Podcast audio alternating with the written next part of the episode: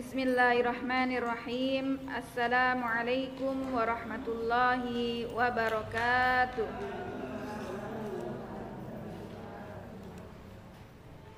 Alhamdulillahi rabbil alamin. Wabihi nasta'in. Wa ala umurid dunya waddin Wassalatu wassalamu ala habibina Wa syafi'ina al-mursalin Muhammadin وعلى آله وأصحابه أجمعين ربنا عليك توكلنا وإليك أنبنا وإليك المصير ثم أما بعد أمهات وأخوات أعزني الله وإياكن جميعا Saudariku sekalian yang dicintai dan dimuliakan oleh Allah Subhanahu wa taala, Alhamdulillah kembali bersua pada hari Kamis dengan rahmat dan ridhonya Allah Subhanahu wa taala.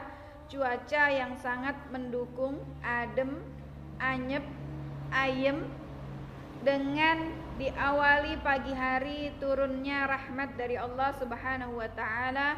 Alhamdulillah tidak merasa kepanasan dan tidak menghalangi langkah-langkah kita untuk hadir di majelis ilmu. Jamaah sekalian a'azzani Allah wa iyyakunna jami'an.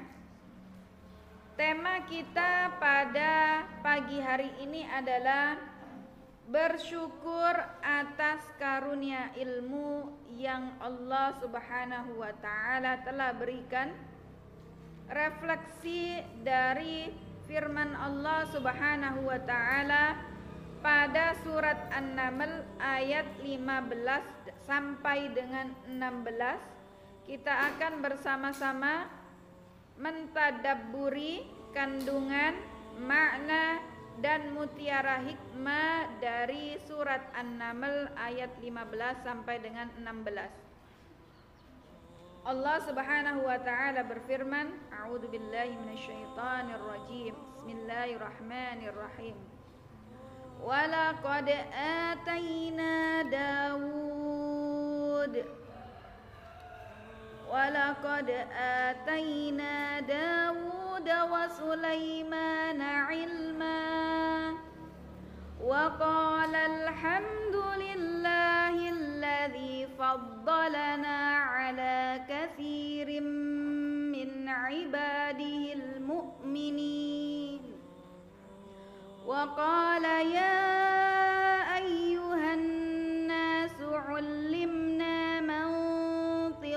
الطير وأوتينا من كل شيء إن هذا لهو الفضل المبين. Surat An-Naml ayat 15 dan 16 Setelah kita baca Kemudian kita renungkan Kita telaah Kita tadaburi apa maksud dan juga kandungan dari firman Allah Subhanahu wa taala yang artinya dan sesungguhnya kami telah memberikan ilmu kepada Daud dan juga Sulaiman. Walaqad atayna Dawud wa Sulaiman ilma. وقال الحمد لله الذي فضلنا على كثير ibadihil mu'minin Setelah itu keduanya mengucapkan Alhamdulillah Segala puji bagi Allah yang melebihkan kami dari kebanyakan hamba-hambanya yang beriman. Qala ya ayyuhan nasu ulimna man Qattair dan Sulaiman telah mewarisi Daud dan dia berkata hai manusia kami telah diberi pengertian tentang suara burung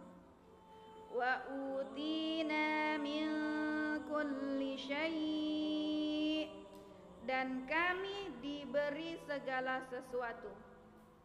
Inna hadza lahuwal fadlul mubin Sesungguhnya semua ini benar-benar suatu karunia yang sangat nyata. Kandungan samudra hikmah pelajaran dari firman Allah Subhanahu wa taala di surat An-Naml ayat 15. Yang pertama adalah ilmu merupakan karunia dari Allah Subhanahu wa taala dalam firman yang berbunyi walaqad ataina Dawud wa Sulaimana ilma dan sesungguhnya kami telah memberikan ilmu kepada Daud dan juga Sulaiman kami telah memberikan ilmu kepada Daud dan juga Sulaiman sebelum panjang lebar saya sapa dulu yang ada di Zoom Cloud Meeting, suaranya jelas. Bagaimana kabarnya semuanya teman-temanku sekalian? Sahabat surga yang dirindukan oleh surganya Allah Subhanahu wa taala. Alhamdulillah jelas Ustazah. Alhamdulillah. Jelas Ustazah. Alhamdulillah ahlan wa marhaban. Alhamdulillah, alhamdulillah, alhamdulillah.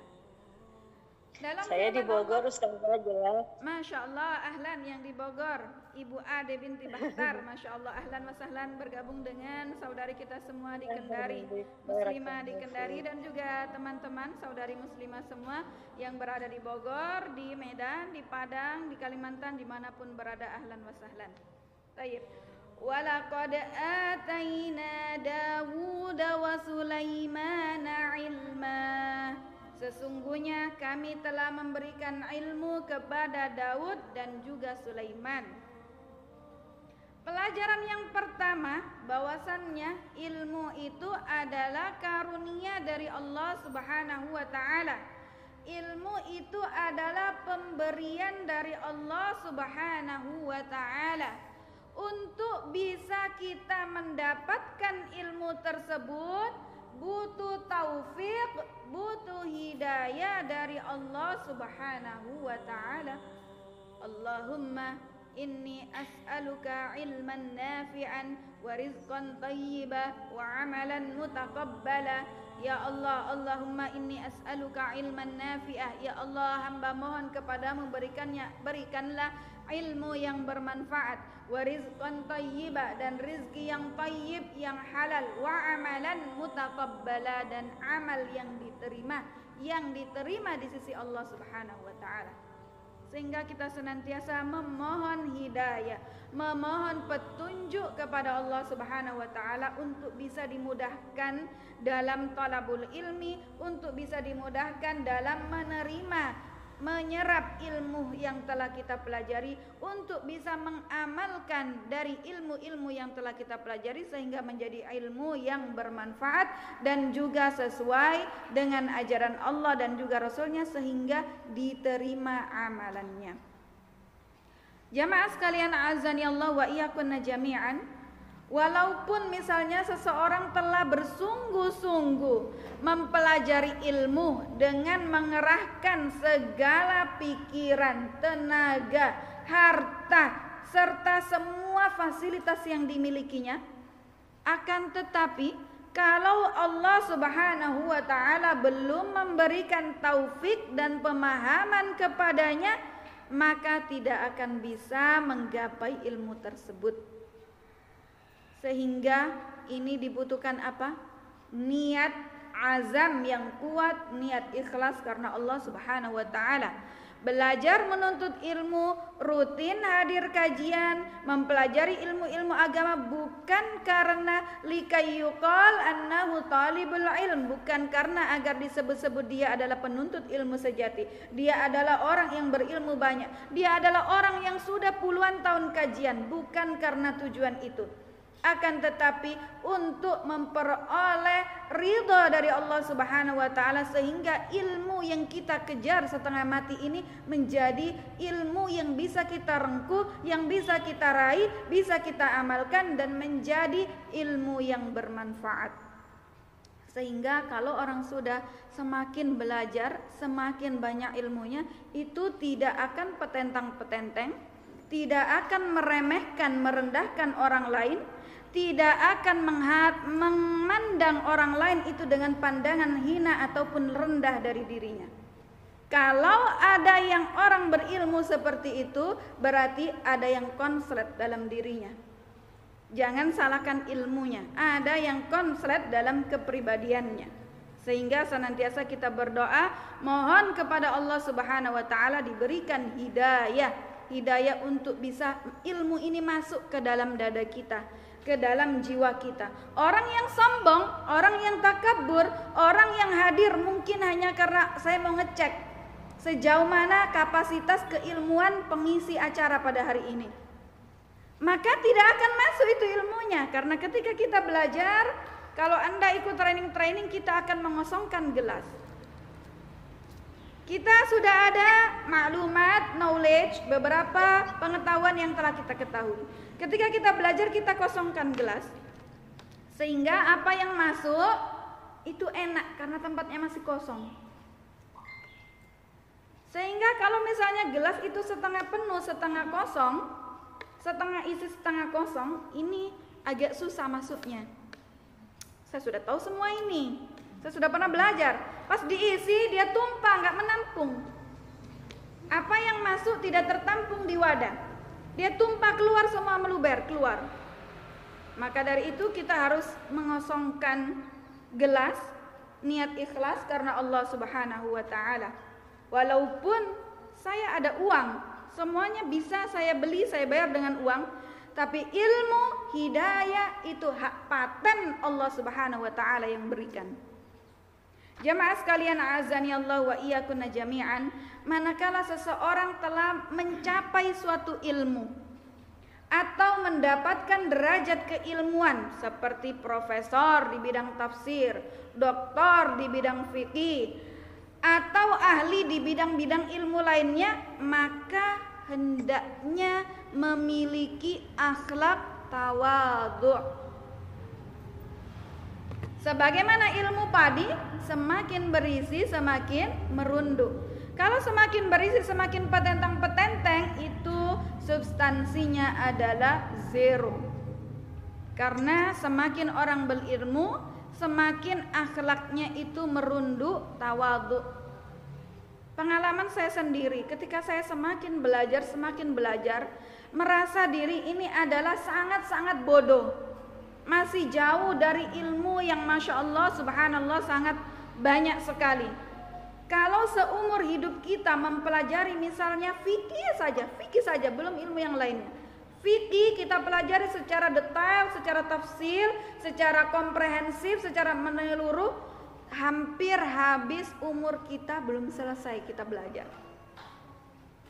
Kita belajar saja satu disiplin ilmu, ilmu kiraat ilmu kiraat misalnya tentang membaca Al-Quran di mana ada kiraat sab'ah, ada kiraat asyrah.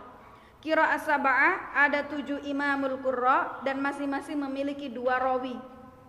Sehingga dua rawi berapa itu? Tujuh, uh, tujuh kali dua, empat belas. Ditambah tujuhnya dua puluh satu. Kalau kiraat asyrah ada sepuluh a'immatul qurra, masing-masing rawinya ada dua. Sepuluh kali dua, dua puluh ditambah uh, imamnya ada tiga puluh dan cara membacanya ada sedikit perbedaan dan itu semua diajarkan oleh Rasulullah Sallallahu Alaihi Wasallam.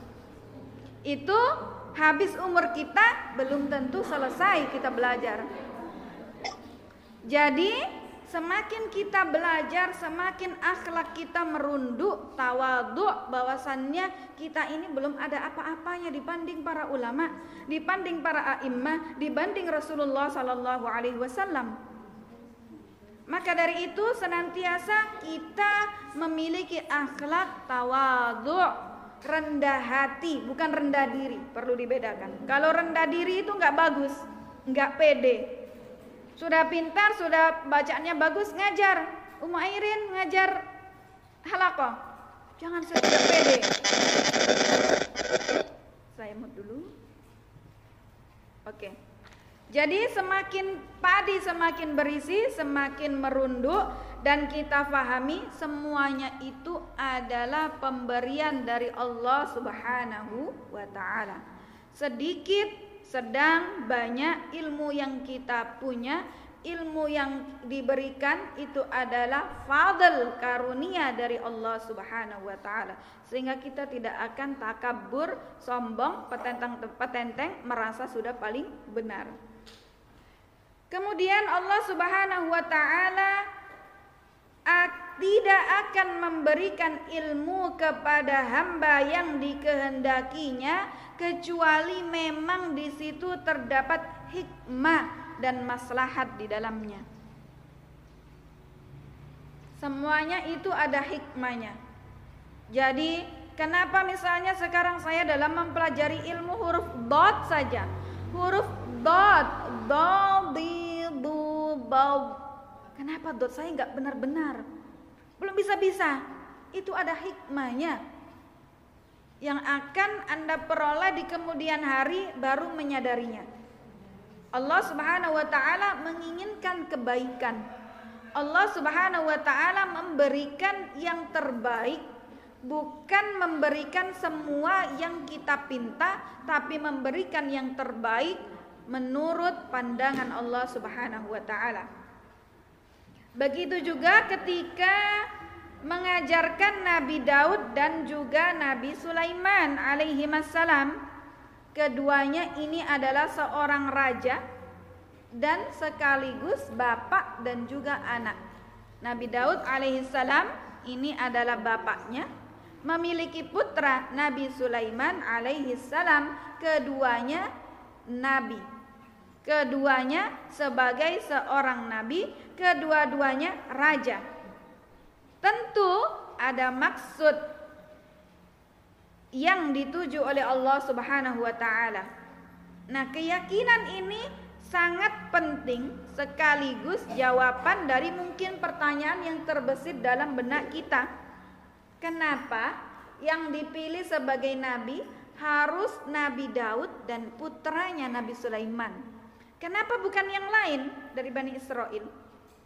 Allah Subhanahu wa taala berfirman, Allahu a'lamu haitsu yaj'alu risalatahu. Allah lebih mengetahui di mana Allah menempatkan tugas kerasulan. Ini istafahumullah. Memang Allah Subhanahu wa taala pilih untuk sebagai nabi dan juga rasul. Pelajaran yang kedua dari surat An-Naml ayat 15 ilmu merupakan tonggak dari kekuasaan. Bagaimana penjelasannya? Di antaranya adalah nikmat yang telah diberikan oleh Allah Subhanahu wa taala kepada hambanya ada dua macam. Yang pertama, nikmat lahir dan yang kedua nikmat batin. Nikmat lahir ini seperti apa? harta, tahta, wanita. Inilah nikmat lahir yang telah Allah Subhanahu wa taala berikan. Nikmat batin seperti ilmu dan juga kebahagiaan hati. Ini nikmat batin. Di antara dua nikmat tersebut, mana ya yang lebih nikmat? Ya jamaah, mana yang lebih nikmat? Nikmat lahir atau nikmat batin? Ummu Iksan langsung yakin 100% nikmat batin. Nikmat diberikan Allah kenikmatan berupa ilmu, diberikan kenikmatan kebahagiaan hati. Kalau kebahagiaan hanya sekedar dohir ini gampang, kita bisa bikin pencitraan. Upload foto keluarga bahagia. Namun ini dohirnya, lahirnya saja yang dilihat oleh publik, yang ditampilkan kepada halayak tapi batinnya ternyata ada konflik. Kemesraan-kemesraan yang ditampilkan di publik hanya sebagai pencitraan untuk menunjukkan bahwasannya keluarga saya harmonis. Tapi hakikatnya kebahagiaan batin belum diraih. Maka Masya Allah jamaah sekalian yang hadir di Masjid Khadijah pada hari ini memilih semuanya kompak lebih nikmat-nikmat batin kebahagiaan hati, kebahagiaan hakiki, kebahagiaan bisa memiliki ilmu yang hanya mungkin secuil karena ilmu Allah sangat luas diberikan setetes saja sama kita sudah menjadi ustada atau ustadz besar di muka bumi ini. Baru setetes saja. Bagaimana sudah bertetes-tetes, berember-ember satu laut dan ilmu itu bahar la sahila fihi.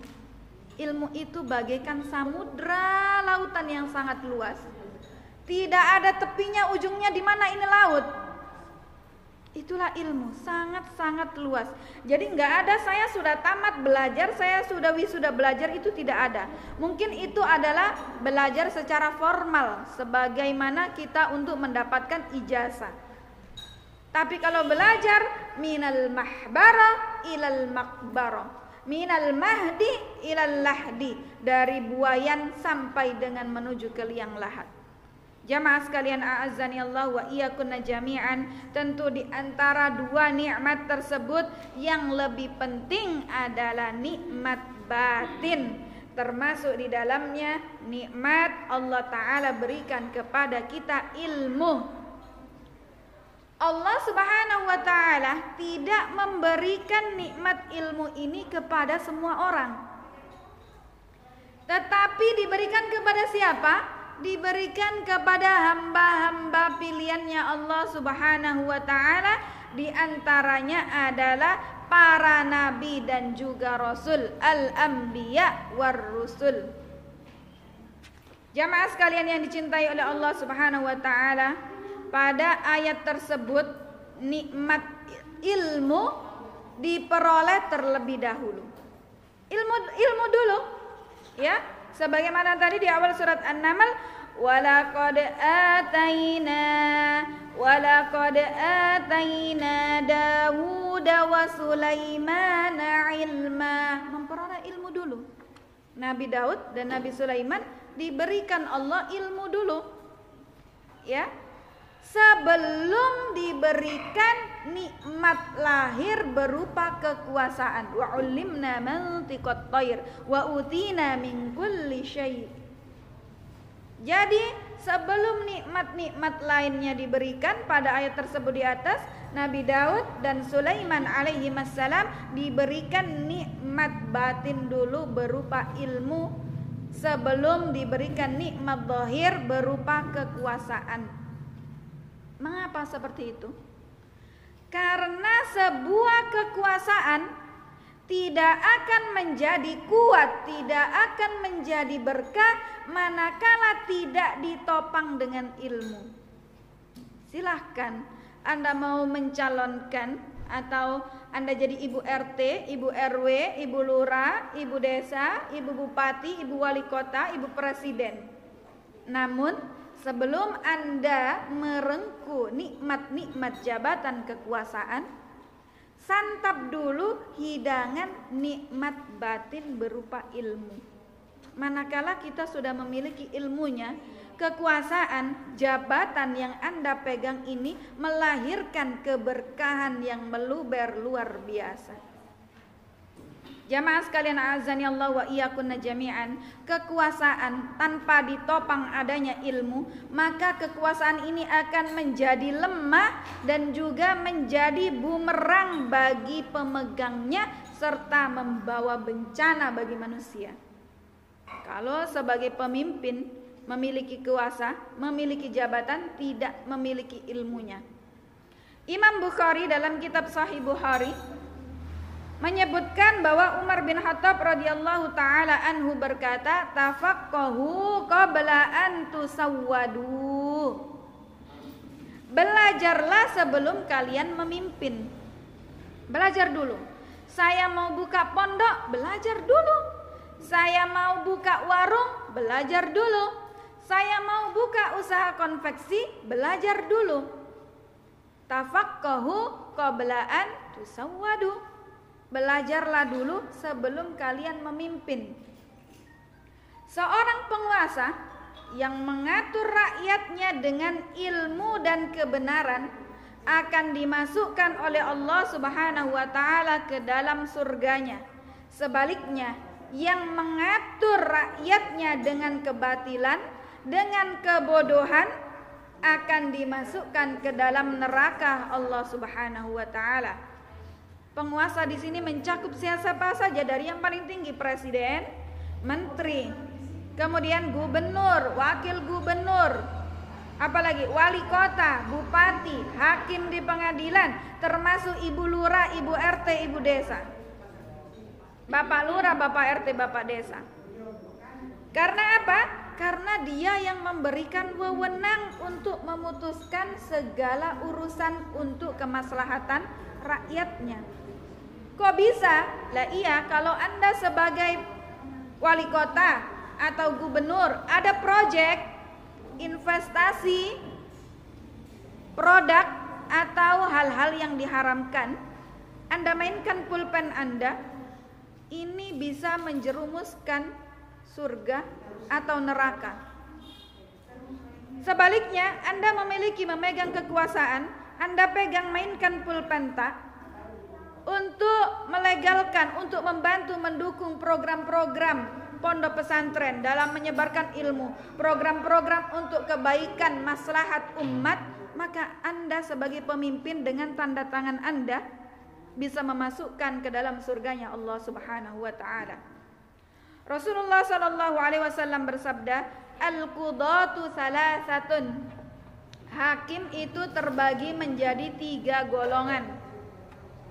Isnani finnar dua hakim berada di dalam neraka. Wawahidun fil jannah. Ada di sini yang sebagai hakim panitera atau yang lainnya yang berkaitan dengan hukum. Dua hakim berada di neraka yang satu berada di surga. Rajulun arafal haqqa faqada bihi fahuwa fil jannah hakim yang di surga siapa yang pertama adalah seseorang yang mengetahui kebenaran kemudian menegakkan kebenaran tersebut maka dia masuk surga. Sudah tahu ini benar ditegakkan. Baik hakim maupun kita sendiri manakala kita melihat perkara konflik di lingkungan kita, di masyarakat sekitar kita, kalau Anda mengetahui itu suatu kebenaran dan Anda putuskan itu benar, maka Anda masuk surga. Dan yang kedua siapa? Warajulun qada bainan nasi bil jahli fahuwa finnari. Yang kedua, seseorang yang menghukumi manusia atas kebodohannya, nggak ada ilmunya Gak ada pengetahuannya tentang suatu perkara yang harus dia putuskan. Menghukumi atas dasar kebodohan, maka ia masuk neraka. Maka kalau terkadang saya ditanya, bagaimana hukum seperti ini? Misalnya permasalahan-permasalahan al-mustajadat, permasalahan kontemporer, saya tidak langsung menjawab. Tunggu dulu. Buka-buka buku, cari-cari fatwa, kumpulkan dalil-dalilnya. Baru juga berkonsultasi sama masyayikh sama guru-guru sama para syekh ini seperti apa? Disampaikan jawabannya seperti ini. Jadi bukan jawaban dari pribadi saya atau hawa nafsu saya. Dan yang seperti ini akan masuk surga. Di mana saja kalau anda mendapati suatu perkara dan Anda adalah pemegang putusan baik Anda itu ketua kelas, ketua asrama, ketua proyek, ketua apa saja, ketua tim di kerjaan Anda, maka jika memang itu adalah kebenaran dan Anda putuskan itu benar, maka Anda masuk surga. Jika sebaliknya tahu itu benar akan tetapi ya yang kedua tidak tahu ya kebodohan. Dia nggak tahu. Kemudian dia hukumi ya qadha bainan nasi bil jahli. Dia nggak tahu ilmunya nggak tahu hukumnya langsung oh ini salah. Oh ini benar. Atas dasar ketidaktahuannya. Jahil itu nggak tahu kebodohannya. Maka di sini di neraka. Yang ketiga warajulun arafal haqqa fajara fahuwa finnar. Yang ketiga adalah Seseorang yang tahu akan kebenaran, arafal haq, sudah tahu. Kebenarnya kebenarannya seperti ini. Kebenarannya adalah A. Fajaro akan tetapi dia berbuat kecurangan dengan menghukum. Sudah tahu muridnya ada dua kasus, ya ada satu kasus si fulana memiliki konflik dengan si fulana B, A dengan B. Kita sudah tahu mana yang benar, tapi kita melakukan perbuatan curang, padahal si A ini yang benar kita bela yang B. Maka ini di neraka. Fahuwa finnar. Tidak harus seorang hakim atau jabatan. Mana saja manakala kita mendapati kasus-kasus perkara atau ada konflik, ada sesuatu di sekitar kita, kemudian kita adalah pemegang putusan, maka ini harus diperhatikan ya jamaah. Karena ini bisa mencemplungkan seseorang ke surga atau neraka. Waliyadubillah. Semoga kita semua termasuk dalam ahli surga. Amin Allahumma amin. Pelajaran yang ketiga dari surat An-Naml ayat 15 dan juga 16. Wa qala alhamdulillahilladzi faddalana dan keduanya mengucapkan Nabi Sulaiman, Nabi Daud dan juga Nabi Sulaiman putra beliau Alhamdulillahilladzi faddalana. Segala puji segala puji bagi Allah Subhanahu wa taala yang telah memberikan kelebihan kepada kami. Maka setiap kali ngisi kajian atau kita mengajarkan suatu kebenaran al-fadl minallah subhanahu wa ta'ala kelebihan datangnya dari Allah subhanahu wa ta'ala kekurangan dari saya pribadi dan juga dari was-was syaitan ayat di atas menunjukkan bahwasannya betapa pemimpin yang baik anda pemimpin di rumah anda suami anda memberikan hak penuh kepada anda untuk sebagai queen, ratu, pemimpin di rumah Anda sebagai manajer. Betapa seorang pemimpin yang baik seperti Nabi Daud dan juga Nabi Sulaiman alaihi wassalam apa yang dilakukan? Wa qala alhamdulillah. Senantiasa bersyukur terhadap nikmat apa pun yang telah Allah Subhanahu wa taala berikan kepadanya. Dan ini membuktikan ketawaduan beliau berdua Nabi Daud dan juga Nabi Sulaiman suami sebagai seorang pengusaha semuanya dimulai dirintis dari nol kadang omsetnya naik kadang omsetnya turun Kadang penghasilannya banyak, kadang penghasilannya sedikit. Sebagai seorang istri diberikan belanja sekian, kenapa Pak turun dari bulan sebelumnya? Alhamdulillah.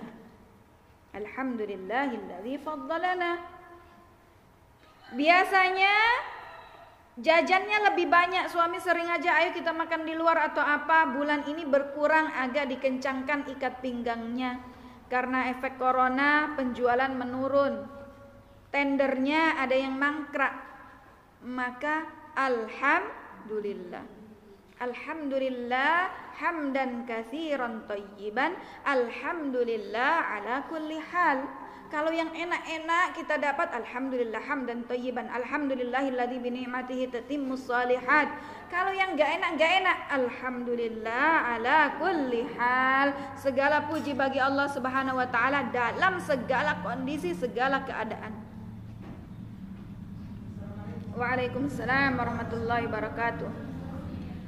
Umar ibn Abdul Aziz rahimahullah berkata, sesungguhnya Allah tidaklah memberikan kepada hambanya suatu nikmat Kemudian dia bersyukur terhadap nikmat tersebut kecuali kesyukuran itu lebih utama daripada nikmat itu tersendiri.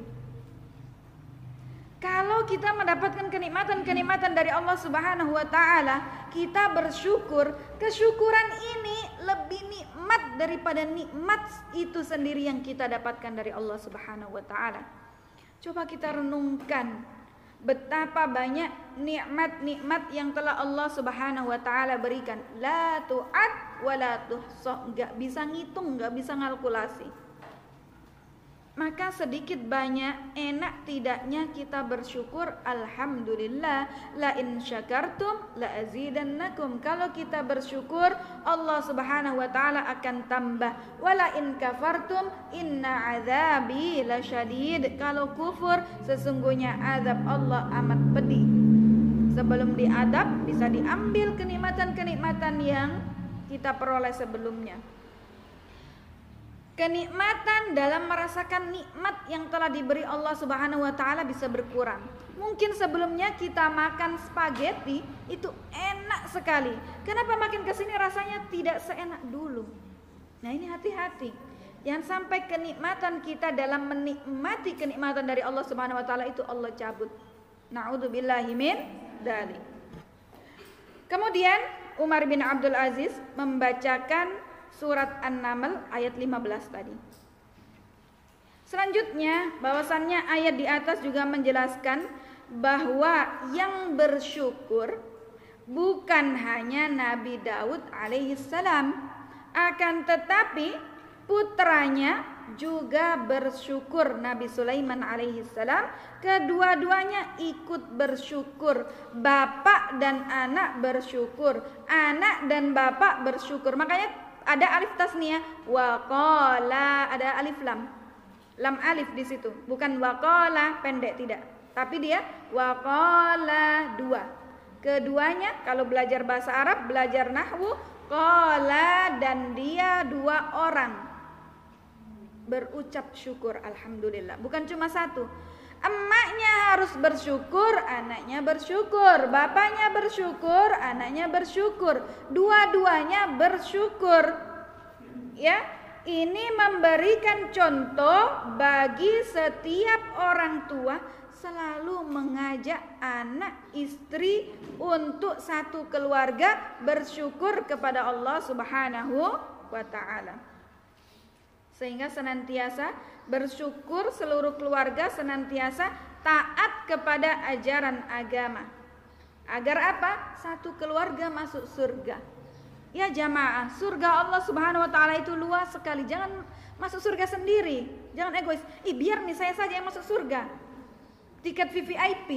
Ayo ajak sama-sama keluarganya, suami kita, anak kita, cucu, keponakan, orang tua, tetangga, teman-teman, seluruh kaum Islam ajak ayo masuk surga sama-sama. Surga Allah itu luas lebih luas dari langit dan juga bumi ini. Kalau Anda yang isi sendiri kesepian. Ayo kita ajak masuk surga sama-sama. Jangan menjebloskan diri dan juga keluarga dan juga teman kita kepada neraka. Kita masuk surga sama-sama. Allah Subhanahu wa taala berfirman dalam surat At-Tur ayat 21, "Walladzina amanu wattaba'athum dzurriyyatahum biimanin alhaqna bihim dzurriyyatahum wama alatnahum min 'amalihim min syai' kullu imri'in bima kasaba rahin." Dan orang-orang yang beriman dan yang anak cucu mereka mengikuti mereka dalam keimanan. Kami hubungkan anak cucu mereka dengan mereka dan kami tidak mengurangi sedikit pun dari pahala amalan mereka. Tiap-tiap manusia terikat dengan apa yang dikerjakannya. Sesuai amal perbuatan kita. Al-Imam Ibnu Katsir dalam tafsirnya mengatakan bahwasannya Allah Subhanahu wa taala menginformasikan tentang karunia, kedermawaan, pemberian dan juga kasih sayang serta kebaikan Allah Subhanahu wa taala kepada hambanya dalam ayat tersebut. Bahwa orang-orang yang beriman beserta ya jika keturunannya anak cucunya mereka ikut beriman juga maka mereka akan diikutkan dengan derajat orang tua mereka. Nah, kalau kita mau keturunan kita beriman, kita harus beriman. Kalau kita mau anak cucu keturunan kita menjadi anak-anak yang soleh soleha, kita harus soleh dan juga soleha.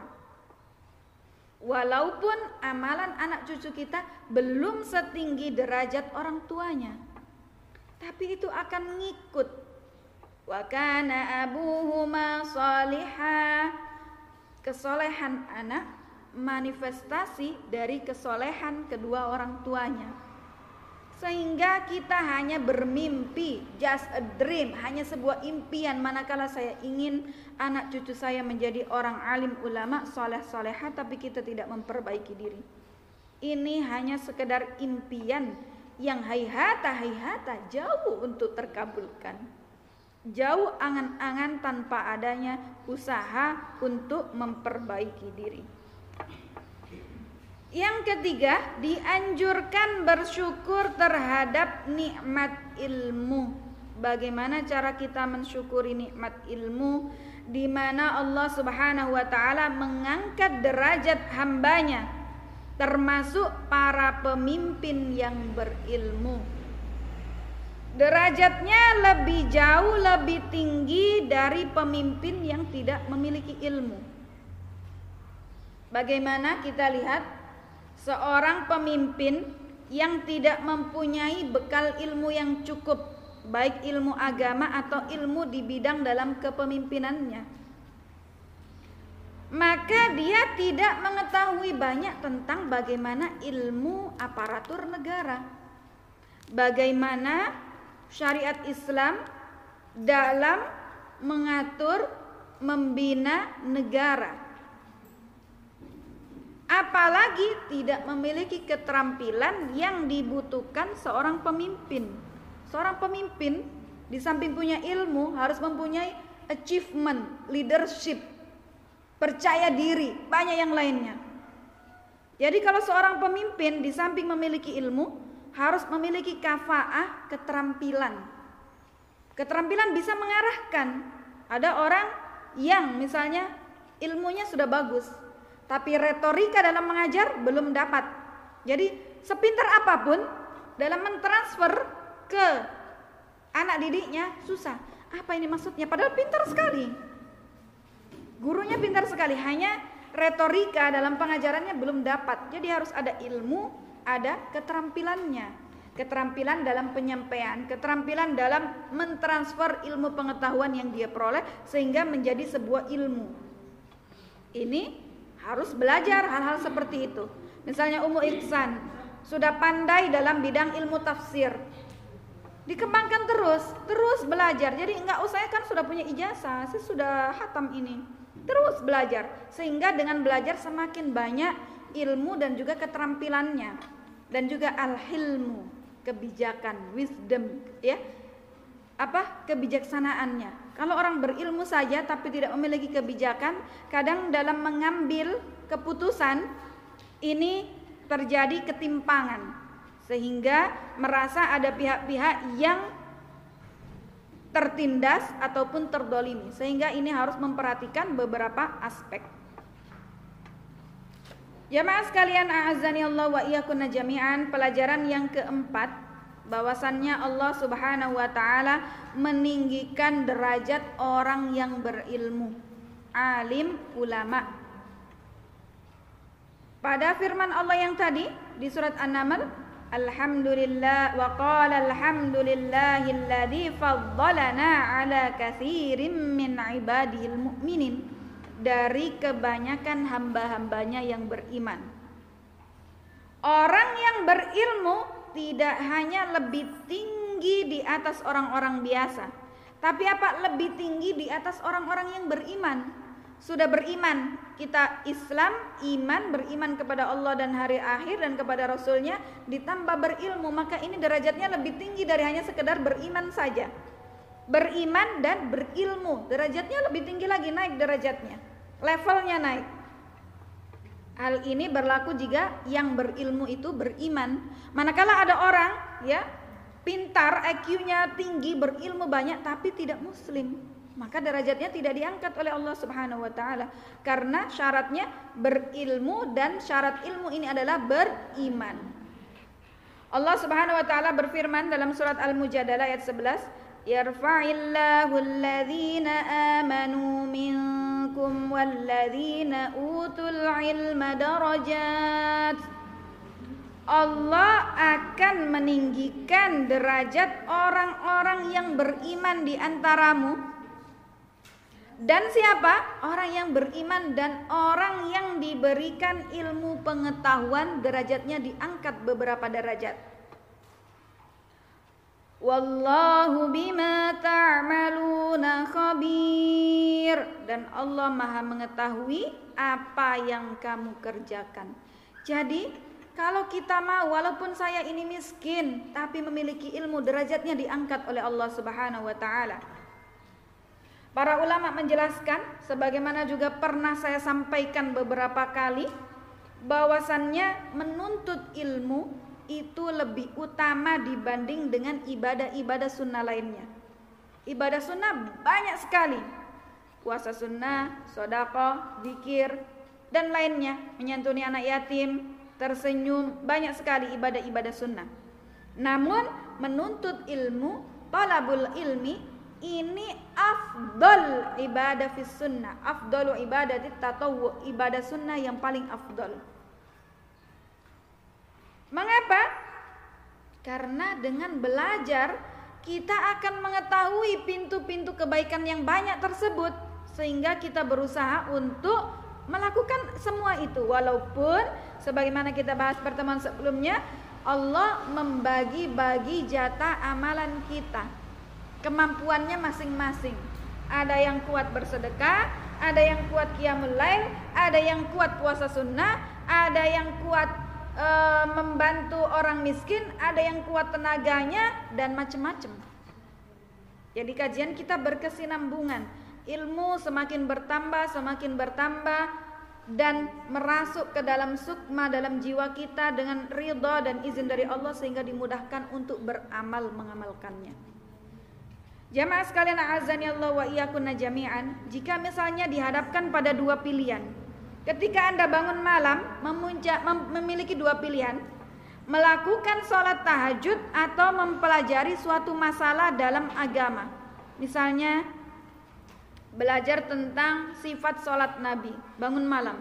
Lebih utama mana saya sholat tahajud atau belajar tentang ini tadi ilmu yang baru akan saya pelajari? atau tentang sebuah perkara agama misalnya ditanya tentang sebuah hukum dan harus memutolaah membuka buku-buku mencari dalil-dalilnya membaca dan seterusnya. Mana yang lebih utama? Yang lebih utama adalah mempelajari ilmu.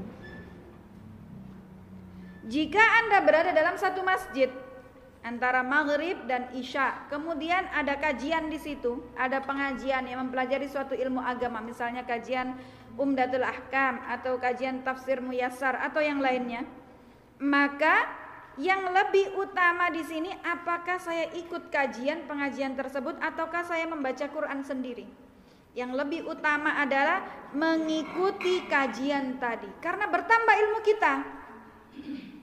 Ya, sehingga kita semakin paham, semakin fakih dan itu akan menstimulasi dalam jiwa kita, oh ini seperti ini ilmunya seperti ini, hukumnya seperti ini. Ini yang saya kerjakan, ini yang saya tinggalkan. Yang kedua, derajat para nabi lebih ditinggikan daripada derajat para siddiqin, syuhada dan juga salihin. Sebagaimana firman Allah Subhanahu wa taala, ومن يطع الله والرسول فأولئك مع الذين أنعم الله عليهم من النبيين والصديقين والشهداء والصالحين وحسن أولئك رفيقاً Barang siapa yang mentaati Allah dan juga Rasulnya Mereka itu bersama dengan orang-orang yang dianugerahi nikmat-nikmat Allah. Siapakah mereka? Para nabi Selanjutnya para siddiqin Selanjutnya orang-orang yang mati syahid Selanjutnya orang-orang yang soleh Dan mereka itulah teman yang sebaik-baik teman. Jamaah sekalian azani Allah wa iyakunna jami'an Kisah kehidupan saya pribadi sendiri, alhamdulillah, banyak mendapatkan kenikmatan dan kemudahan yang telah Allah Subhanahu wa taala berikan.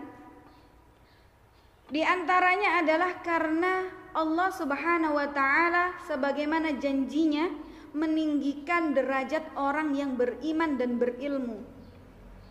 Pertama kali saya naik pesawat, saya belum pernah naik pesawat. Kalau dari Gresik, dari Jawa Timur ke Jakarta bisa naik kereta api.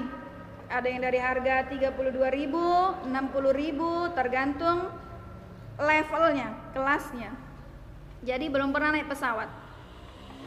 Lulus SMA Alia berangkat ke Jakarta untuk menuntut ilmu. Di Jakarta ada kakak saya laki-laki, abang saya dua, paman saya dua. Jadi banyak kerabat di Jakarta. Berangkat menuntut ilmu niat karena Allah Subhanahu wa taala. Karena yang saya jadikan bekal ketika berangkat ke Jakarta untuk kuliah hadis Rasulullah sallallahu alaihi wasallam may yuridillahu bihi khairan yufaqihu fiddin. Ini saya taruh rapat-rapat dalam jiwa saya. Masukkan kantong, masukkan koper, semua itu adalah bekal ongkos saya. May yuridillahu bihi khairan yufaqihu fiddin. Barang siapa yang Allah Subhanahu wa taala inginkan kebaikan dalam dirinya, Allah akan menjadikan dia faqih dalam ilmu agama. Allah akan menjadikan dia paham ilmu agama. Itu yang saya kantongi. Dan juga sabda Rasul sallallahu alaihi wasallam, "Man salaka tariqan yaltamisu fihi ilman sahhalallahu lahu bihi tariqan ilal jannah." Barang siapa yang menempuh jarak keluar dari rumahnya melangkah yaltamisu fihi ilman untuk memperoleh ilmu talabul ilmi Allah akan mudahkan jalannya menuju surganya Allah Subhanahu wa taala.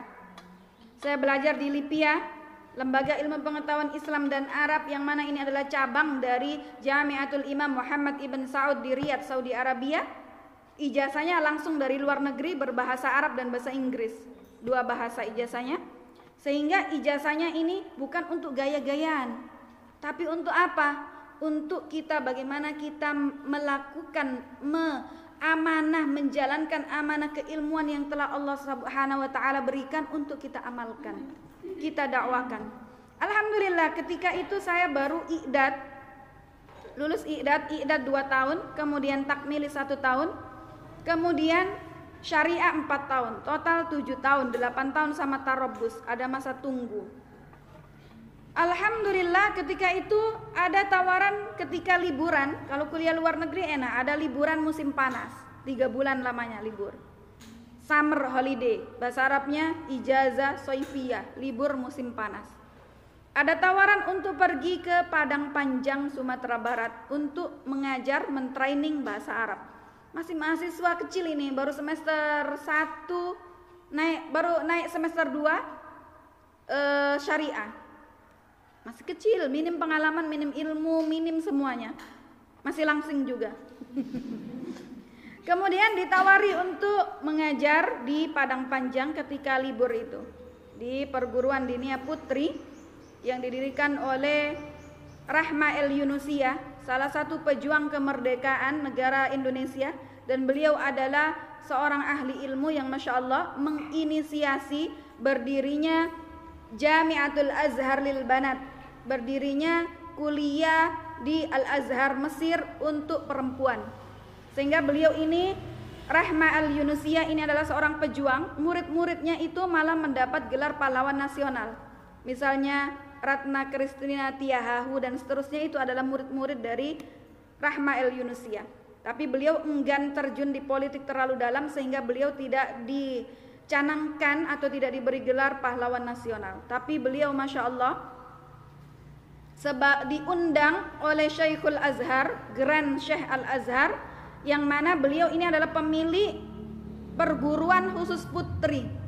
Sehingga Al-Azhar sebelumnya belum ada kuliah untuk putri. Diundanglah oleh Grand Azhar, kemudian terinspirasi dari Rahma Al-Yunusia ini dan didirikannya Kuliatul Azhar lil Banat. Dibuka kampus Al-Azhar untuk perempuan. Dan beliau mendirikan di Padang Panjang ya, di Padang Panjang Sumatera Barat. Alhamdulillah waktu itu kami berempat belas bersama teman-teman saya. Saya khususnya pertama kali naik pesawat langsung Garuda. Kelas bukan kelas ecek-ecek, langsung Garuda duduk di depan. Ya. Jadi di depan kursi saya itu pas kebetulan dengan wali kota atau gubernur Sumatera Barat. Kata ustazah saya yang juga beliau berasal dari Padang, ya Ainur Rahmah, ya. Dan juga berkata kepada teman-teman saya semua, antunna bisa terbang ke Padang. Tidak ada uang yang kalian keluarkan, pakai fasilitas eksekutif di sana dijamu makanan enak-enak semua. Karena apa? Yarfa'illahu alladhina amanu minkum walladhina utul ilma darajat. Itu pertama kali saya naik pesawat. Dan juga langsung bukan pesawat Lion atau apa tapi Garuda. Masya Allah, Masya Allah. Kemudahan-kemudahan dan diangkat derajat karena Allah Subhanahu wa taala mewujudkan, merealisasikan janjinya di dalam Al-Qur'anul Karim yang telah Allah Subhanahu wa taala berfirman. Selanjutnya di tahun 2013 saya dan suami tidak memiliki pekerjaan yang belum pasti, bukan pekerjaan tetap ya, tapi tetap bekerja. Perekonomian belum mapan. Ditelepon Ainur Rahma anti mau pergi haji? Siapa yang nggak mau pergi haji? Ditelepon malam-malam habis suami saya masih sholat waktu itu baru sehari kami sampai Medan baru satu malam ditelepon anti mau pergi haji ya mau lah semua orang mau diundang pergi haji 2013 kalau iya, anti pergi dengan mahramnya karena saya perempuan, diundang dengan mahramnya. Teman saya yang lain sendiri, gak pakai mahram laki-laki. Pergi dengan mahramnya besok sudah harus di Jakarta. Tiga hari lagi berangkat. Tiga hari lagi sebelum berangkat. Sebelum berangkat haji tiga hari baru ditelepon. Pergi haji yuk. Ya sudah. Bismillah. Tabungan isi berapa? Apa kabar isi rekening? Tidak ada uang 10 juta, tidak ada.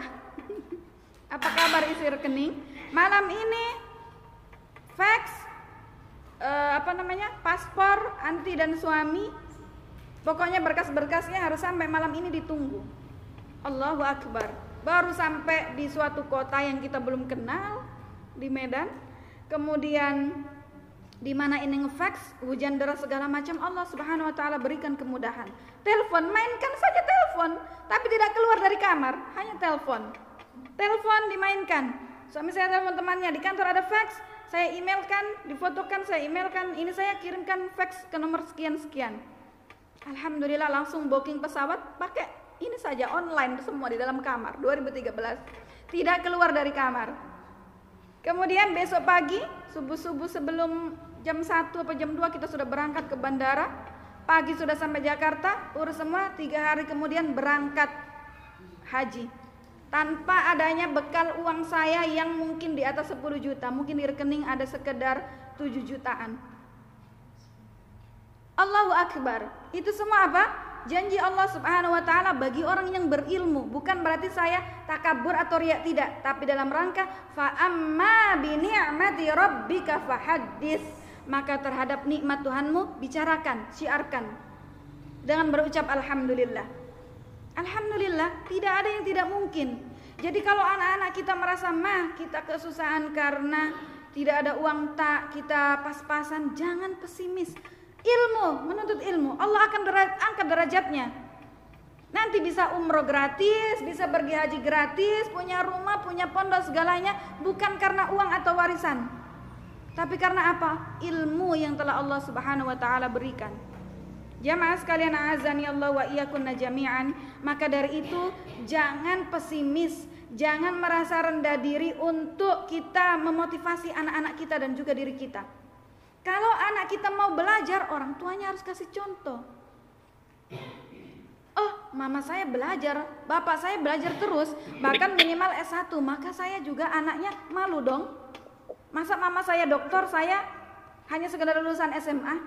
Nah, ini motivasi anak melihat bagaimana tindakan dan perilaku keseharian kedua orang tuanya. Mamanya rajin kajian, rajin mengaji, anaknya insya Allah ngikut. Karena orang tua ini adalah sebagai role model, contoh bagi anak-anaknya. Ya maaf sekalian azani Allah wa iyyakunna jami'an. Derajat para nabi ini ditinggikan lebih tinggi daripada derajat para as-siddiqin, asyuhada, was-salihin dan kita akan berusaha untuk agar bisa bertetangga dengan para nabi, dengan Nabi Muhammad SAW dengan apa? Belajar, menuntut ilmu yang Allah Subhanahu wa taala akan permudah jalan kita menuju surganya Allah Subhanahu wa taala. Dan derajat para nabi pun bertingkat-tingkat. Nabi dan rasul itu tidak semua dalam satu level. Ada derajatnya. Yang paling tinggi derajatnya adalah Nabi Muhammad sallallahu alaihi wasallam, kemudian disusul para nabi ulul azmi. Siapa nabi ulul azmi? Nabi Muhammad ya. Siapa lagi? Nabi Ibrahim, Isa, Nabi Musa dan juga Nabi uh, Nabi Nuh, Nabi Nuh, Nabi Nuh, Nabi Ibrahim, Nabi Musa dan Nabi Isa alaihi salam. Kalau disingkat minim biar gampang ingatnya. Muhammad, Isa, Nuh, Ibrahim, Musa. Untuk lebih gampang ingatnya disingkat minim. Allah Subhanahu wa taala berfirman di dalam surat Asyura ayat 13 derajat Allah Subhanahu wa taala berfirman, "Syara'a lakum minad dini ma wassa bihi Nuha walladzi auhayna ilaik." Dia telah mensyariatkan kamu tentang agama yang diwasiatkan kepada Nuh dan apa yang telah kami wahyukan kepadamu dan apa yang telah kami wasiatkan kepada Ibrahim, Musa dan juga Isa alaihissalam yaitu apa? Tegakkanlah agama dan janganlah kamu berpecah belah tentangnya. Amat berat bagi orang-orang musyrik agama yang kamu seru. Allah menarik kepada agama itu orang yang dikehendakinya dan memberi petunjuk orang yang kembali kepadanya. Surat Asyura ayat 13. Dalam tafsir As-Sa'di, tafsir Karimur Rahman, agama Islam ini disyariatkan Allah untuk orang-orang pilihannya. Sehingga ada orang non muslim masuk ke agama Islam mereka ini dan kita-kita ini adalah orang-orang pilihan Allah Subhanahu wa taala. Yaitu ulul azmi. Yakni para nabi ulul azmi diberikan oleh Allah Subhanahu wa taala untuk memiliki kemauan yang kuat daripada para rasul yang lainnya yang telah disebutkan pada ayat tersebut dan mereka adalah orang-orang yang tinggi derajatnya di sisi Allah Subhanahu wa taala. Walaupun demikian, Nabi Daud dan juga Nabi Sulaiman alaihi salam keduanya adalah diangkat sebagai nabi. Namun beliau berdua bersyukur tetap dan senantiasa bersyukur atas nikmat ilmu, nikmat kenabian dan juga nikmat kekuasaan yang telah Allah Subhanahu wa taala berikan. Jamaah sekalian azan ya wa iyyakunna jami'an, pelajaran yang kelima dari ayat ini bahwasannya manakala kita memiliki ilmu, maka kita sungguh telah mendapatkan warisan para nabi. Waritha Sulaimanu Dawud. Nabi Sulaiman telah mewarisi Nabi Daud. Mewarisi harta? Tidak. Berkata Muhammad Sayyid Tantawi dalam At-Tafsir wa Al-Wasid yang dimaksud mewarisi di sini adalah mewarisi ilmu, kenabian dan juga kerajaan. Nabi Sulaiman alaihissalam mewarisi dari bapaknya tiga perkara. Yang pertama mewarisi ilmu yang dimiliki oleh Nabi Daud. Dan ini mencakup berbagai disiplin keilmuan. Para nabi itu bukan hanya juga menguasai ilmu agama, tapi ilmu-ilmu lainnya, misalnya ilmu bangunan, arsitektur, ilmu membuat desain baju perang, memiliki ilmu-ilmu yang lainnya juga selain ilmu dalam bidang Islam. Walaupun demikian, Nabi Sulaiman juga memiliki ilmu tambahan yang diberikan oleh Allah di mana ilmu tersebut tidak dimiliki oleh ayahnya Nabi Daud alaihissalam. Disebutkan dalam firman Allah Subhanahu wa taala surat Al-Anbiya ayat 78 79. Wa Dawud wa Sulaiman idh yahkumani fil harth إذ نفشت فيه غنم القوم وكنا لحكمهم شاهدين ففهمناها سليمان وكلا آتينا حكما وعلما وسخرنا مع داود الجبال يسبحن والطير وكنا فاعلين. Nabi Daud dalam kisahnya antara kisah Nabi Daud dan juga putranya Nabi Sulaiman di waktu keduanya memberi keputusan tentang tanaman. Ada kasus pada zaman tersebut ya, tanamannya, ladangnya, sawahnya dirusak kambing-kambing kepunyaan kaumnya. Melapor datang kepada Nabi Daud minta dikasih putusan. Ini padiku harusnya sudah waktunya panen dalam sekejap rusak karena diporak-porandakan oleh kambing tetangga.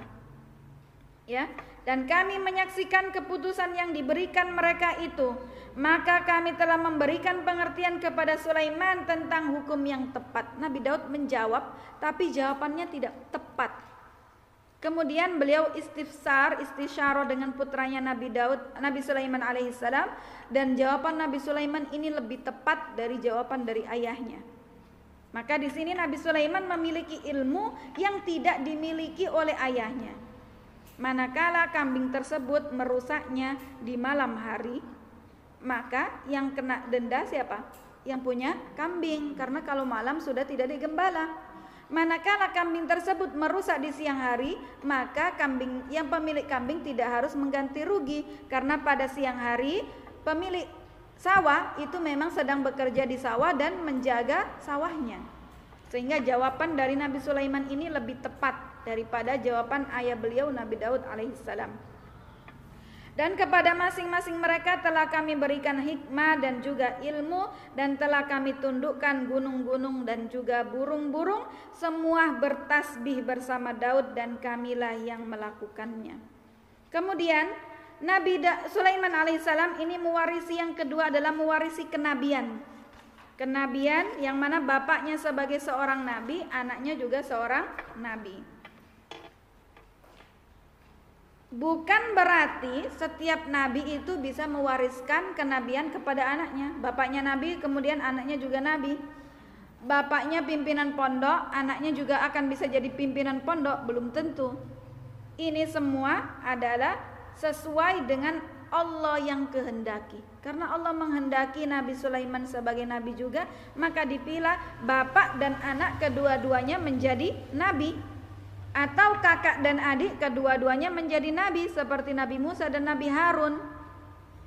Terkesan bahwasannya anak mewarisi kenabian dari bapaknya padahal itu adalah fadlun minallah, karunia dari Allah Subhanahu wa taala min fadli rabbi.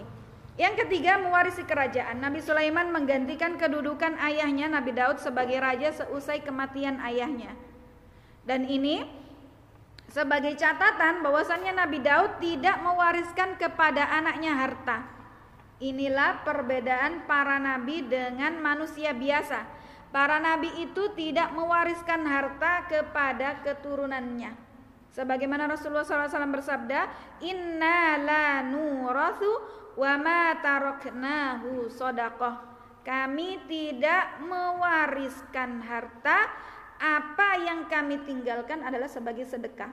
Jadi harta peninggalan para nabi itu sebagai sedekah tidak diwarisi oleh anak keturunannya. Beda dengan kita manusia biasa, harta tinggalan kita diwarisi oleh anak cucu kita. Ayat tersebut juga memberikan inspirasi bahwasannya seorang pemimpin yang baru dilantik hendaknya mengambil pelajaran dan pengalaman dari pemimpin-pemimpin sebelumnya.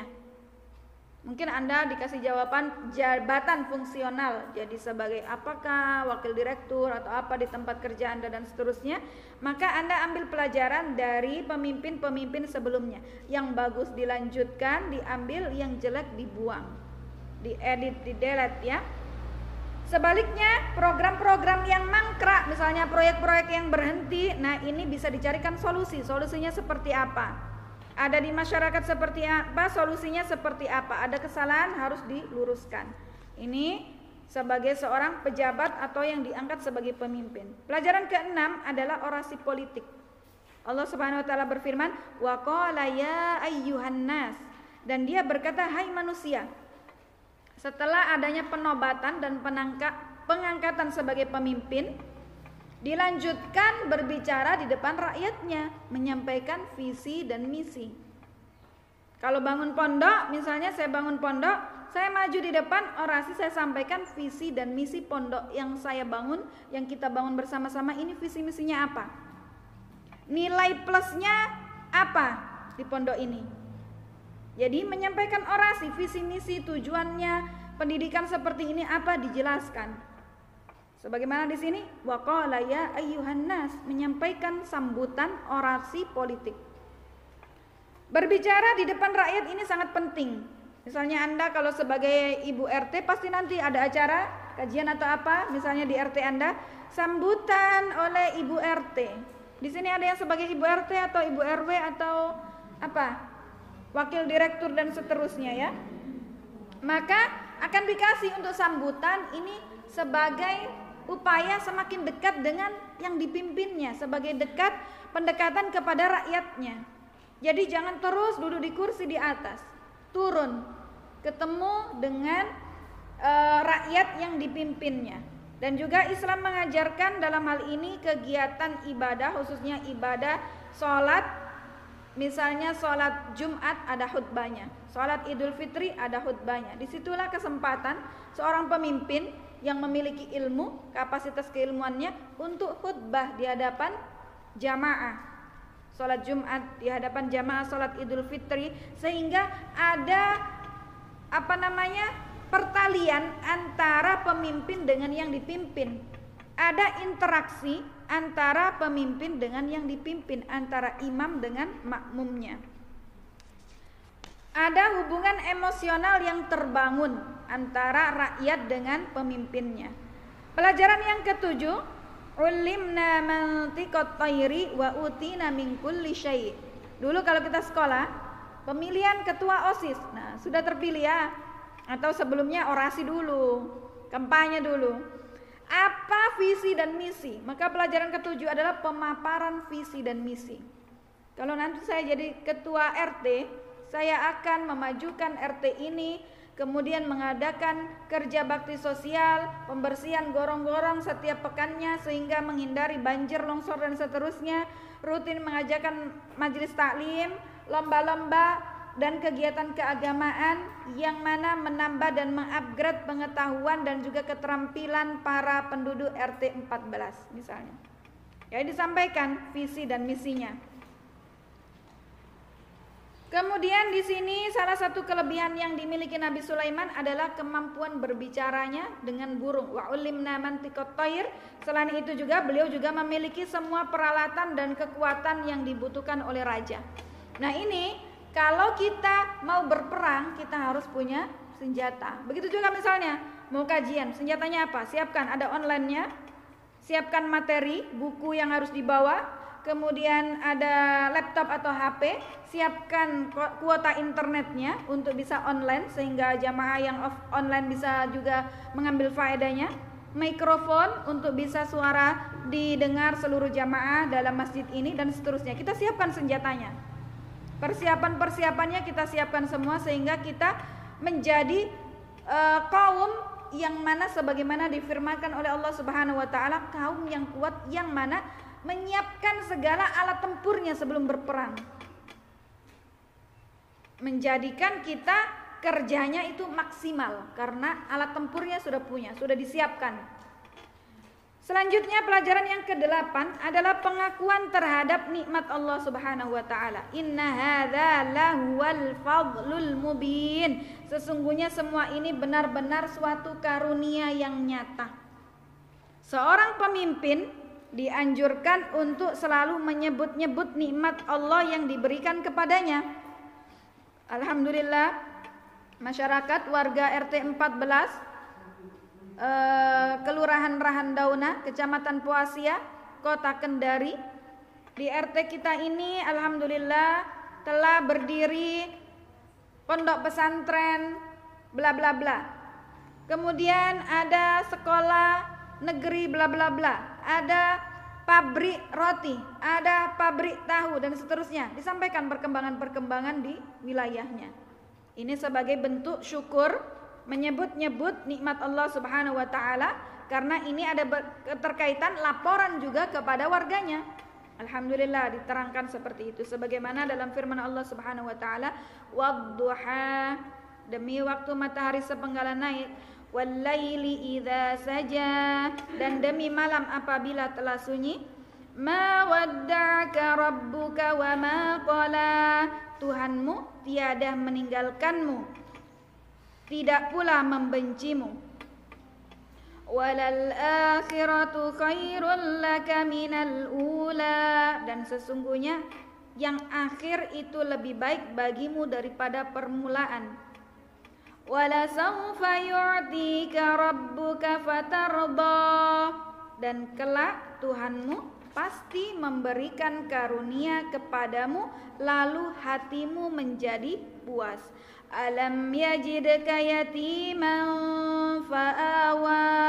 Bukankah dia mendapatimu yakni Nabi Muhammad sebagai seorang yatim? Lalu dia melindungimu. Wa wajadaka fahada. Dan dia mendapatimu sebagai seorang yang bingung. Lalu dia memberikan petunjuk wajadaka ailan fa'aghna. Kemudian dia mendapatimu sebagai orang yang kekurangan lalu Allah memberikan kecukupan. Fa'ammal yatima fala taqhar Adapun terhadap anak yatim dan janganlah kamu berlaku sewenang-wenang. Wa ammasaila fala tanhar dan terhadap orang yang meminta-minta jangan kamu menghardiknya. Fa amma bi ni'mati rabbika fahaddis dan terhadap nikmat Tuhanmu sebut-sebutlah dengan bersyukur. Alhamdulillah gaji saya naik. Ayo saya traktir makan-makan. Alhamdulillah. Ini namanya fa'amma bi ni'mati rabbika fahadis. Bukan menyebut-nyebut nikmatnya tapi kita berniat untuk ria atau sombong. Hmm, percuma gaji naik, kita juga nggak kecipratan. Ini fa'amma bi ni'mati rabbika fahadis. Alhamdulillah di desa ini dibangun pabrik roti sehingga bisa membuka tenaga kerja bagi warga sini diutamakan fa'amma bi ni'mati rabbika fahadis Imam At-Tabari dalam tafsirnya Jami'ul Bayan fi Ta'wili Ayil Quran mengatakan bahwasannya orang Islam dahulu menganggap bahwa salah satu bentuk kesyukuran terhadap nikmat Allah Subhanahu wa taala adalah selalu membicarakannya. Alhamdulillah, alhamdulillah tentunya dengan norma dan koridor yang telah diajarkan dalam syariat kita. Pemimpin yang selalu menyebut dan mengakui nikmat Allah akan cenderung berbuat adil terhadap rakyatnya.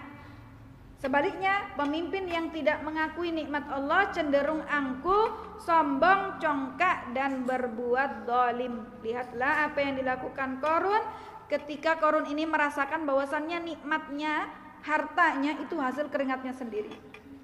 Maka dia congkak, sombong. Ini saya yang kerja kok, saya yang peras keringatku. Harta segini banyak saya peroleh sendiri, tidak melibatkan sedikit pun Allah Subhanahu wa taala yang memberikan nikmat. Alhamdulillah jualan saya laris manis. Bukan karena saya pintar marketing Bukan karena saya ini lamis bicaranya pintar promo Tapi ini adalah fadl dari Allah subhanahu wa ta'ala. Sehingga bersyukur Alhamdulillah dan tidak lupa untuk berbagi. Kesimpulannya bahwasannya dalam kita mentadaburi tafsir surat An-Naml ayat 15 dan 16 ini ilmu merupakan tonggak dari kekuasaan. Jadi ketika Allah Subhanahu wa taala memilih Anda untuk memiliki jabatan, jabatan apa pun itu, dengan adanya ilmu ini akan menopang kekuasaan Ilmu ini adalah tonggak kekuasaan. Dengannya kekuasaan jabatan yang Anda miliki akan menjadi berkah bagi umat manusia. Sebaliknya, tanpa ilmu maka akan menimbulkan kehancuran dan juga kebinasaan. Yang kedua, pemimpin yang selalu bersyukur mengakui nikmat Allah Subhanahu wa taala akan cenderung berbuat adil kepada rakyatnya serta jauh dari perbuatan zalim. Ya, sebaliknya pemimpin yang tidak pernah mengakui ini akan cenderung berbuat angkuh, sombong dan selalu berbuat zalim. Semoga kita semua dapat mengambil faedah, ibrah, hikmah dan juga pelajaran dari tafsir atau tadabbur surat An-Naml ayat 15 dan juga 16 dan bisa kita laksanakan dalam kehidupan kita sehari-hari sehingga menjadi ilmu yang berbuah, ilmu yang bermanfaat untuk diri kita, agama kita, keluarga kita dan juga menjadi bekal kita menghadap Allah Subhanahu wa taala. Demikian kajian kita pada pagi hari ini. Kita buka sesi tanya jawab. Tafadhalna. Silakan yang mau bertanya. Baik berkaitan dengan ilmu, jabatan, tahta, harta wanita ataupun berkaitan dengan kehidupan sehari-hari yang mungkin ada permasalahan yang perlu diislah dan yang lainnya.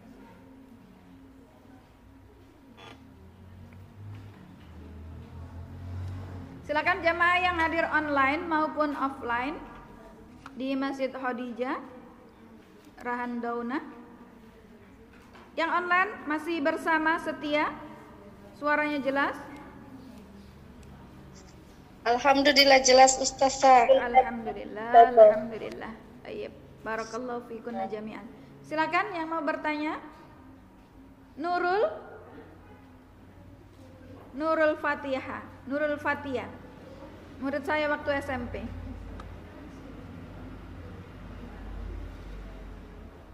Mana Ummu Airin? Oh, Ummu Ais, tafadhali.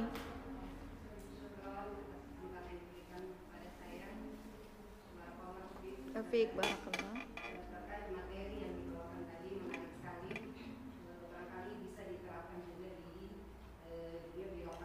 Nah.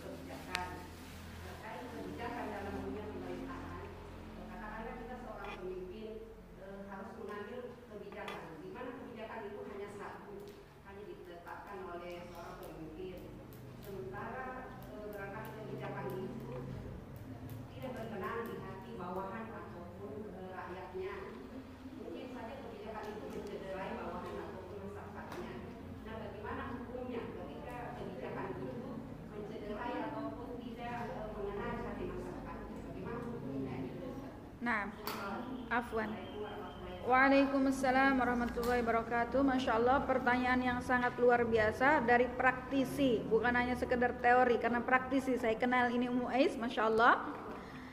Bagaimana ketika kita sebagai seorang pemegang kebijakan, stakeholder, kemudian kebijakan yang kita launching, yang kita putuskan itu menciderai hati dan juga perasaan bawahan dan juga rakyat yang kita pimpin. Tentunya dalam mengambil keputusan apa pun jabatan yang kita pegang adalah kita senantiasa berupaya untuk mengambil paling sedikit mafsadatnya dan paling banyak maslahanya. Karena kadang dalam sebuah pengambilan keputusan itu ada buah simalakama nggak diputuskan salah diputuskan juga salah. Tapi tetap harus mengambil keputusan maka diambil yang paling minim madorotnya. Misalnya semua warga RT 14 diberikan kewajiban untuk membayar uang bulanan sekian misalnya. Dalam rangka untuk keamanan dan kesejahteraan lingkungan kita.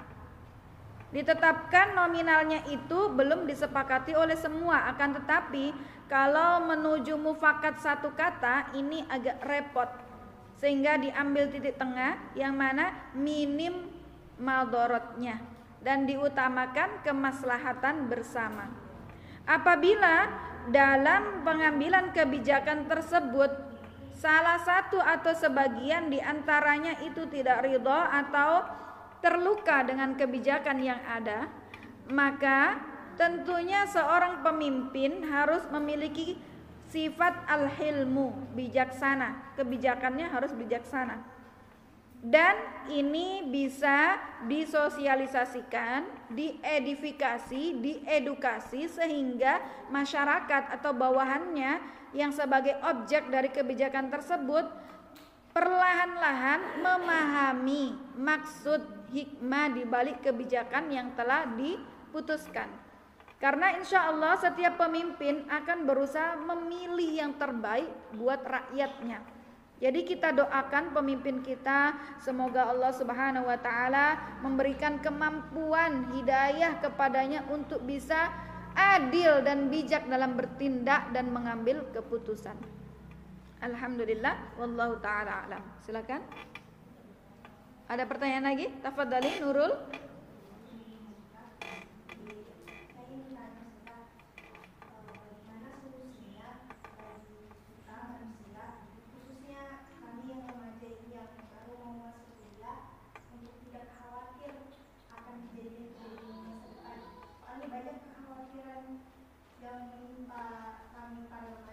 Nah, masya Allah, barakallahu fiq, barakallahu fiq. Pertanyaannya adalah bagaimana tips dan trik kita sebagai seorang remaja ya menghadapi ketakutan-ketakutan masa depan. Di surat Al-Hasyr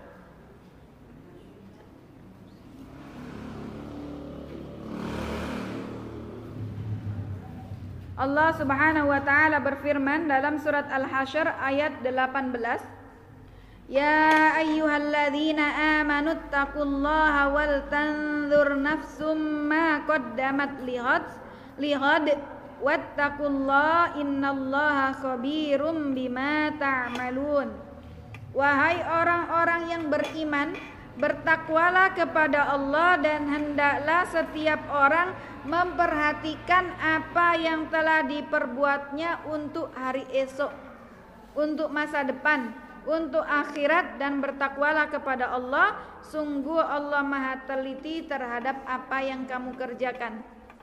Maka anandaku Nurul Fatihah yang telah hadir di kajian pada pagi hari ini Alika yaitu dengan Alika Masya Allah. Ustazah masih ingat berarti masih kenal. Sekarang kelas 3 ya? Kelas 3 sebentar lagi masuk dunia perguruan tinggi perkuliahan. Yang mana sudah memikirkan bagaimana nanti ketika di kampus tentunya kehidupan kampus ini lebih heterogen daripada sebelumnya di SMA atau SMP.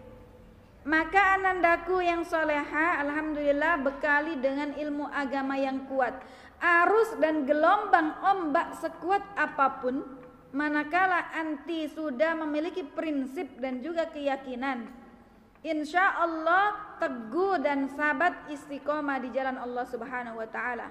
Apa pun gelombang ombak yang menerjang senantiasa mohon pertolongan kepada Allah Subhanahu wa taala.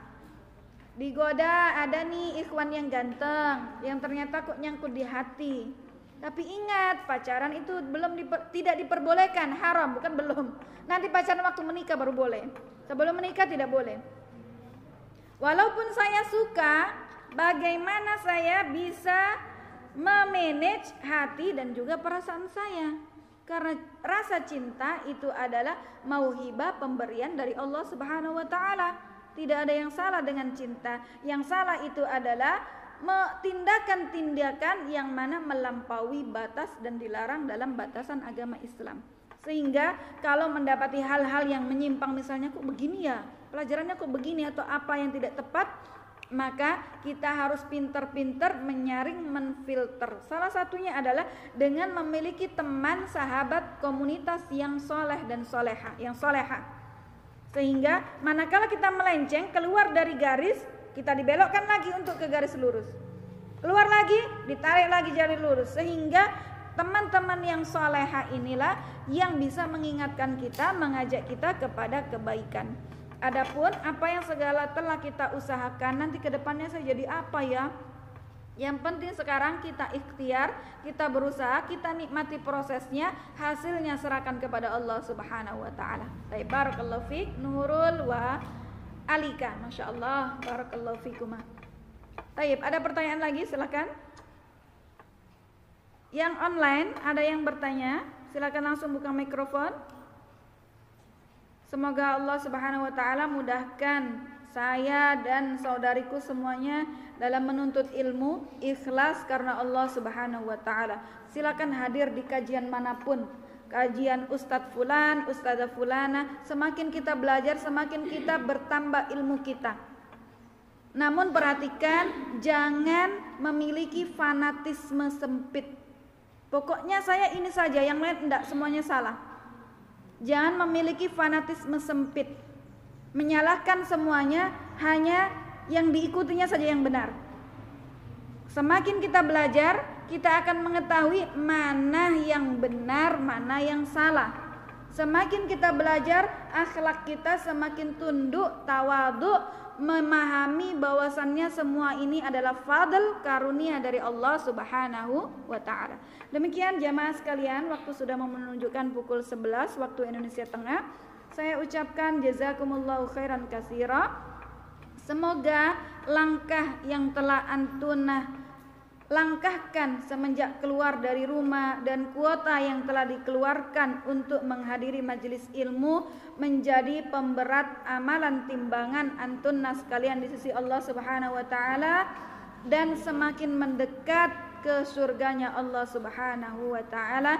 Amin amin Allahumma amin. Mohon maaf atas segala kekurangan, kelebihan datangnya dari Allah Subhanahu wa taala, kekurangan dari saya pribadi dan juga syaitan. Jazakumullahu khairan katsira. Subhanakallahumma wa bihamdik asyhadu an la ilaha illa anta astaghfiruka wa atubu ilaik. Wa sallallahu ala nabiyyina Muhammad walhamdulillahi rabbil alamin. Assalamualaikum warahmatullahi wabarakatuh. Waalaikumsalam warahmatullahi wabarakatuh. Waalaikumsalam warahmatullahi wabarakatuh.